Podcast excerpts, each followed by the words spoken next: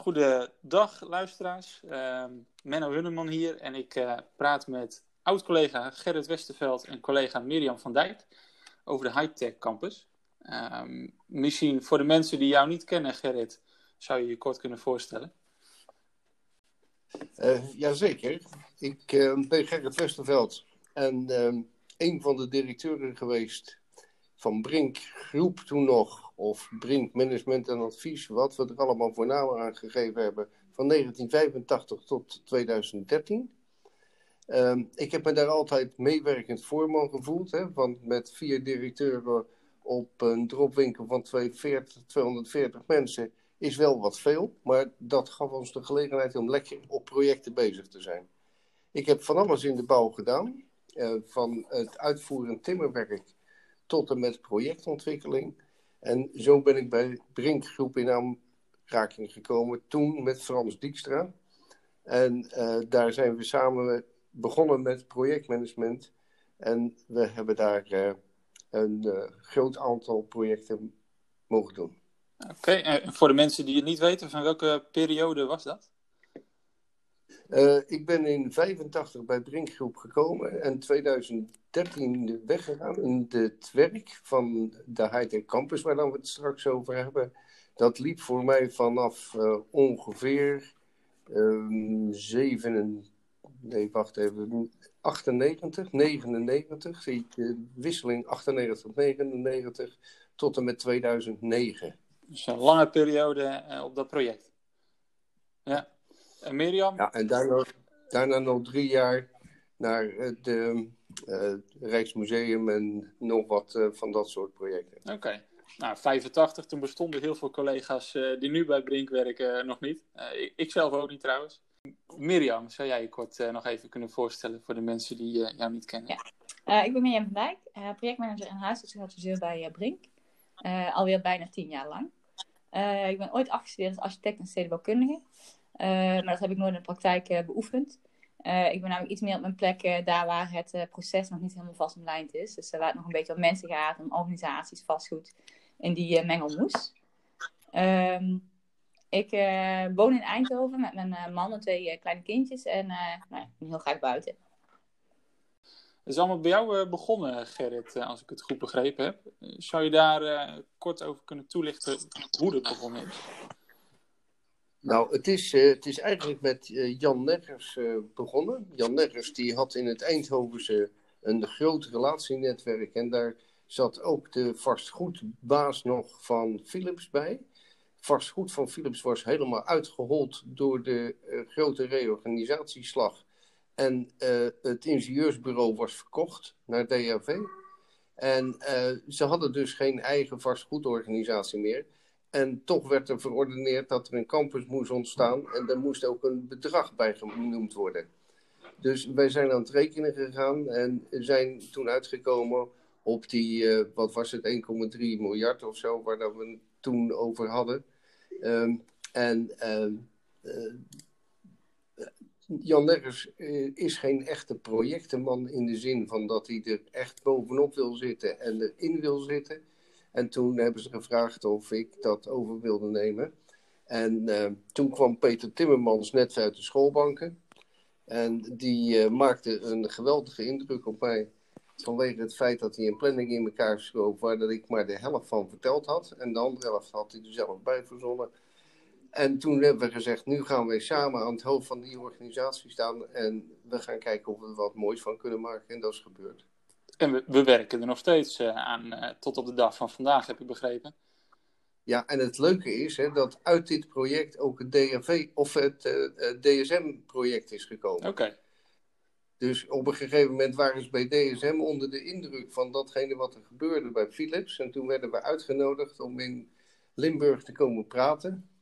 want zij wilden ook een campus.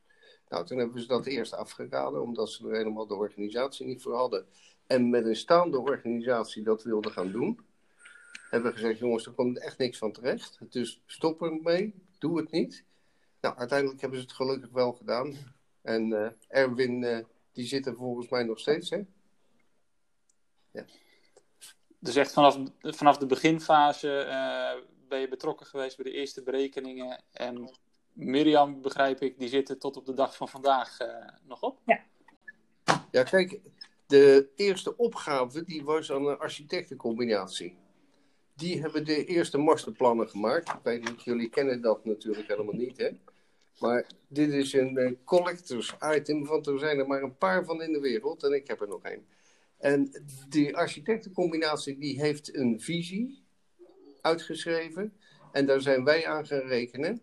En uh, ja, een architect moet je met alle respect geen projecten laten leiden.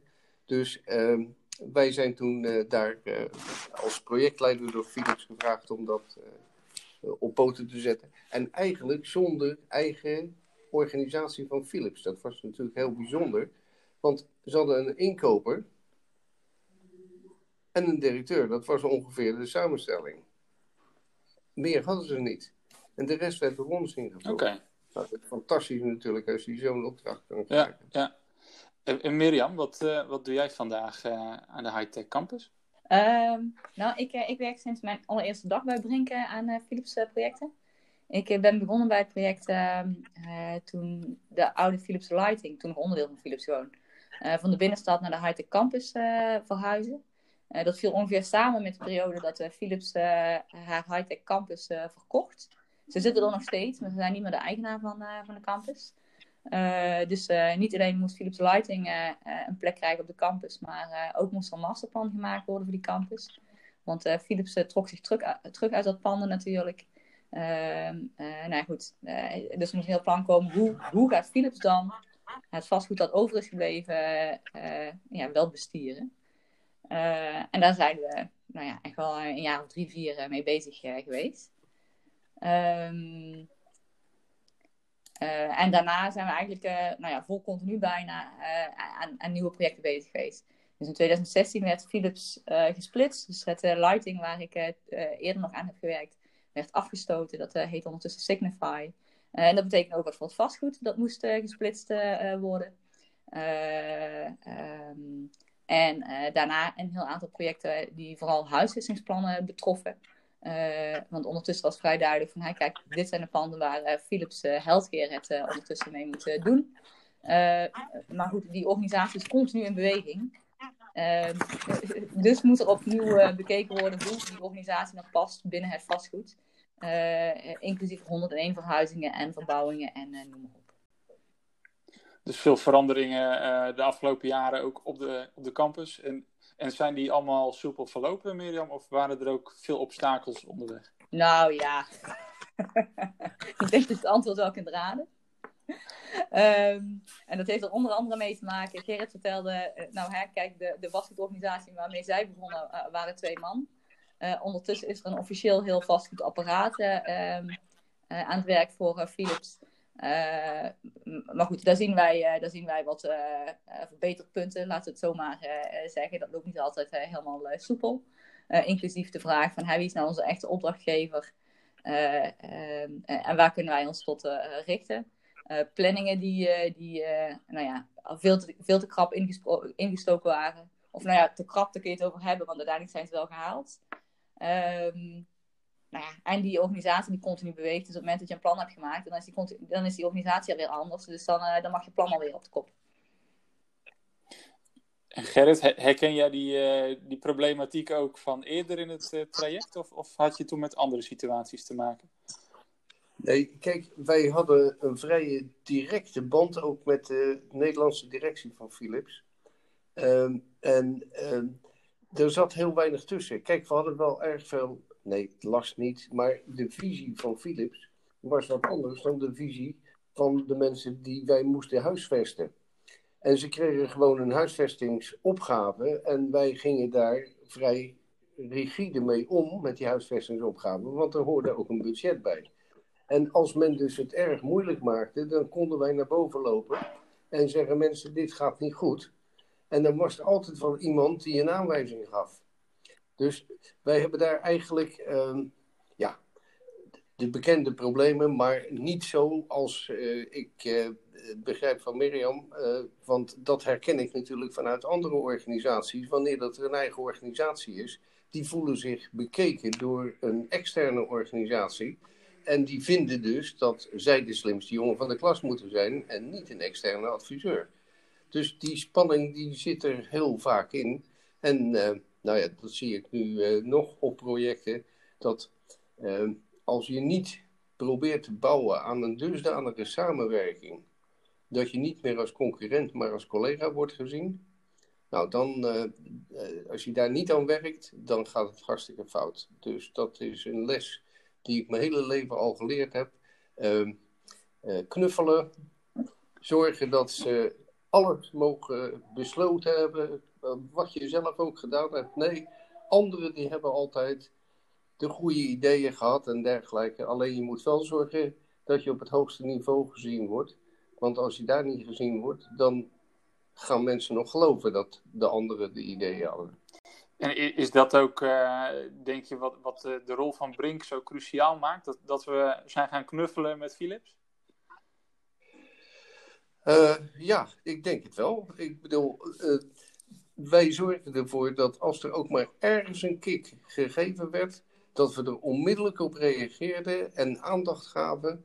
Uh, hoe stomzinnig dat je soms bepaalde dingen ook vond. Hè? Zo van, jongens, dit is nog helemaal niet aan de orde. Dat komt over, over een half jaar wel een keer. Nee, als dat de vraag is, krijgen ze er nu antwoord op. Want dan ontstaat de weerstand niet meer. Uh, het wegnemen van weerstand is knuffelen van je opdrachtgever echt, het is hard nodig. Mirjam, kijk jij er ook zo tegenaan? Is dit in de huidige situatie ook zo? Ja, het, het is wel herkenbaar. Ik denk dat wij, uh, ik denk dat wij uh, opdracht opdracht krijgen omdat we die uh, vastgoedorganisatie, die real estate takken ondertussen door en door kennen. dus bellen ons ook voor de kleinste vraagjes en ook over dingen die niet per se onze opdrachten zijn. Ehm, het helpt ook dat we ondertussen niet alleen de organisatie goed kennen, maar ook de concepten die zij neerzetten voor een vastgoed. Hè. Dus de huisvestingsconcepten en de masterplannen en, en noem het maar op. Um, daar vinden wij van, maar we houden heel netjes onze mond en proberen dat uh, subtiel te laten weten dat er dingen anders kunnen. en dat gaat goed. En die enkele keer dat we met bravoure denken van, nou weet je, nou, nou, nou brengen we heel eventjes het verhaal zoals het ook kan. Dan, nou ja, ik zal niet zeggen dat op de vingers worden getikt, maar dan, dan gaat het eventjes wat, wat lastiger. Uh, totdat ons verhaal beklonken is en uh, eigen is gemaakt. En dan, dan kunnen ze er weer mee door. Ja, ja, ja. Nou, ik zie Gerrit knikken. voor de luisteraars, ja, we hebben er ook beeld bij. maar Gerrit stemt in als ik het goed bekijk. Um, zitten er in de toekomst nog veel aanvullende projecten op de Hightech Campus aan te komen? Dat is geen vraag voor mij. Eh, dat is een vraag, dat, dat is een vraag van Mirjam, ja. Nou, niet meer in de orde waar, uh, op de campus in ieder geval, niet meer in de orde waarin Gerrit bijvoorbeeld aan gewerkt heeft. Dus niet meer aan het vormgeven van een, uh, van eigenlijk een nieuwe campus. Ik bedoel, die campus die staat ondertussen en die functioneert. De opgave is eerder van, hè, hoe laat je nou, nou ja, ook post-corona, hoe laat je die campus nou functioneren, terwijl een deel van de medewerkers wellicht niet meer op de campus is. Dus hoe hou je dat concept levend? Ehm, eh, hoe zorg je dat uh, het vastgoed dat er al is, dat dat uh, continu goed in gebruik blijft, met organisaties die veranderen, met misschien wel nieuwe organisaties. Dus ja, er zit nog steeds wel, er zit nog steeds wel werk in, maar het is gewoon ander werk dan waarmee we ooit gestart zijn. En dat is maar goed ook. Ja. Pionieren moet een keer afgelopen zijn. En uh, nou, we, we, zitten vanuit Brink natuurlijk al een hele tijd uh, uh, zijn we betrokken bij deze ontwikkeling. klopt het dat dit de, de, eerste campusontwikkeling is die we vanuit Brink gedaan hebben? campus in de echte betekenis van het woord was Philips voor ons de, de, de eerste, ja, jazeker. Ja. En niet de laatste, zoals we nee, vandaag weten ja, jullie hebben uh, bij opgeteld heel wat jaren ervaring uh, op, op de high-tech campus. Uh, ik kan me voorstellen dat er ook wel eens eh, leuke dingen gebeurd zijn waar je nog wel eens op terugdenkt en, en een glimlach op je gezicht tovert. Gerrit, zou jij wellicht een, een smeuïge anekdote kunnen vertellen? nou, twee, kort als het mag. Zeker. Ehm, het eerste was onze manier van samenwerken binnen de Brinkgroep. We hadden allemaal projecten, die werden bemand. En dan hadden we dus de, het overal projectmanagement. En wij kwamen dan als overal projectmanagement s morgens om zes uur bij elkaar. eh, in de Blauwe Keet, want daar hadden we ons eigen domicilie. Ehm, en ehm, daar werden zware sigaren gerookt, uh, s'morgens om die tijd. Dat was heel gebruikelijk, hè? die keet die zelf blauw en ik zat altijd aan mijn pijp te lurken. Dus dat, uh, het was heel inspirerend. Van zo'n ochtend, die zorgde ervoor, een paar uur, dat we precies wisten wat er speelde op het hele terrein en welke uh, Philips uh, perikelen er waren. Hè, want er was altijd uh, bezuinigen. Hè. Als het even misging op de beurs, dan moest er bezuinigd worden. Nou, wij hebben er altijd voortreffelijk aan voldaan, want wij gingen gewoon temporiseren. Dan geef je ook minder geld uit. En dan dachten ze, oh, er wordt minder geld uitgegeven op de campus. Dat is goed bezuinigd daar allemaal. Dat het budget bleef wat het was. Want de directeuren daar, die wilden altijd het parkeren eruit bezuinigen. Want die wilden die parkeergarages niet. Die wilden, en wij wisten dat dat een van de allerbelangrijkste dingen was, dat het parkeren goed werd geregeld. Nou, dat was de een. De tweede was dat uh, uh, Philips die uh, wilde graag een eigen afslag op de Rijksweg. Nou, dat kon natuurlijk helemaal niet. En toen kwam er een briefje boven tafel tussen de toenmalige minister van Verkeer en Waterstaat en Boonstra. En, wie, wie, was Boonstra, uh, Gerrit? Dat was de toenmalig directeur van Philips International. En daar stond in, ik wil een afslag. En het antwoord was, dat is goed. Dus wij gingen met dat briefje gingen wij naar uh, Bos toe en zeiden, wij willen een afslag. Nou, zeiden ze, dat gaan we helemaal niet doen. Want dat kan niet verkeerskundig, want we gaan dat hele verkeersknooppunt oppakken en weet ik wat allemaal. En wij zeiden, ja, we hebben toch de opdracht om dat te gaan doen. Is de eerste viaduct in Nederland wat niet gemaakt is door Rijkswaterstaat. Hij is er gekomen. Want wij, wij hebben het viaduct daar en de afslag met alles erop en eraan ontworpen, laten uitrekenen, aanbesteed en laten uitvoeren.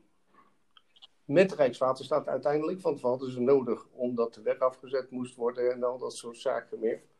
Prachtig, we hebben die hele viaduct hebben we over de Rijksweg heen geschoven. Het was uh, s'nachts fantastisch om te zien. Mooie filmpjes zijn ervan gemaakt. Nou, dat zijn dan van die huzarenstukjes, dat je gewoon gaat voor een doel en je niet laat afleiden van datgene wat er uh, uh, aan hindernissen op je weg komt. Mooi verhaal, Gerrit. En uh, uh, Mirjam, in de, de, tien jaar dat jij uh, nu in Eindhoven rondloopt op deze, op deze campus, ik kan me voorstellen dat je ook wel wat leuke herinneringen hebt die je zou kunnen delen. Ja, ik denk, ik denk dat het mooiste is, um, nou, toen wij Philips Lighting verhuisden, toen kwamen zij in het oude natlab terecht. en, op de campus is ook een natlab namelijk, niet alleen maar in de binnenstad van Eindhoven. Um, een uh, pand dat we gigantisch uh, verbouwd hebben en dat we functioneel helemaal goed hebben ingericht naar de wensen en de eisen van, nou, van de organisatie, van de R&D-medewerkers allemaal. maar ja, Philips Lighting miste eigenlijk nog een element aan dat pand. dus zij hadden bedacht dat ze heel graag een lichtsculptuur in de entreezone van dat gebouw wilden hebben. Nou ja, goed, daar hadden we natuurlijk helemaal geen budget voor, want dat, dat, was al lang op aan alle verbouwingen en alle nou, asbest noem het allemaal op, dat we waren tegengekomen. Uh, maar goed, daar werd er toch nog ergens een laadje opengetrokken met uh, een aanvullend uh, miljoen voor een lichtsculptuur.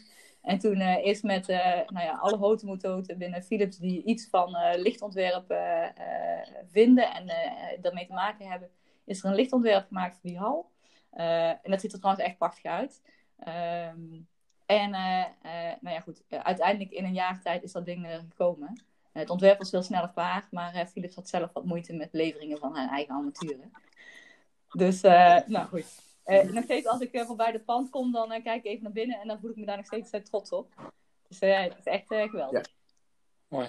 Ik, ik onderschrijf dat, van ik heb het gezien. Het is echt een fantastisch gebouw geworden. Vooral als je het kent in de staat waar dan we het aantroffen toen we voor het eerst op de campus kwamen. Dat was onvoorstelbaar. Trouwens, nog een aardige anekdote. Uh, campus is een open structuur. Maar het natlab was een hele gesloten structuur. Als je daar kwam, dat weten jullie niet, maar er stond een hek om het natlab heen. Maar dat hek dat had de tanden aan de bovenkant naar binnen toe staan. Normaal heb je dus als je aan de bovenkant van het hek een schuine kant maakt, doe je dat naar buiten toe, zodat mensen er niet in kunnen klimmen.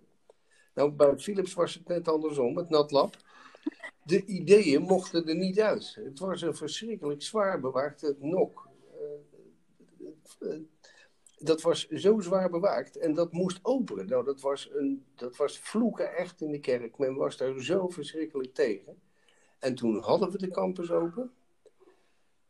En toen kwam op een gegeven moment de aanval op de Twin Towers. En Philips schrok zo dat ze zeiden, en nu moet hij weer dicht. We hebben drie ingangen, plus de vierde uh, vanaf de Rijksweg. Dus we hebben vier ingangen uiteindelijk die met schuifpoorten dicht gaan. Maar je kan er geen hek meer omheen ontdekken, want het hek bestaat niet. Maar het is wel aan de buitenkant helemaal afgesloten met doornstruiken en dat soort zaken.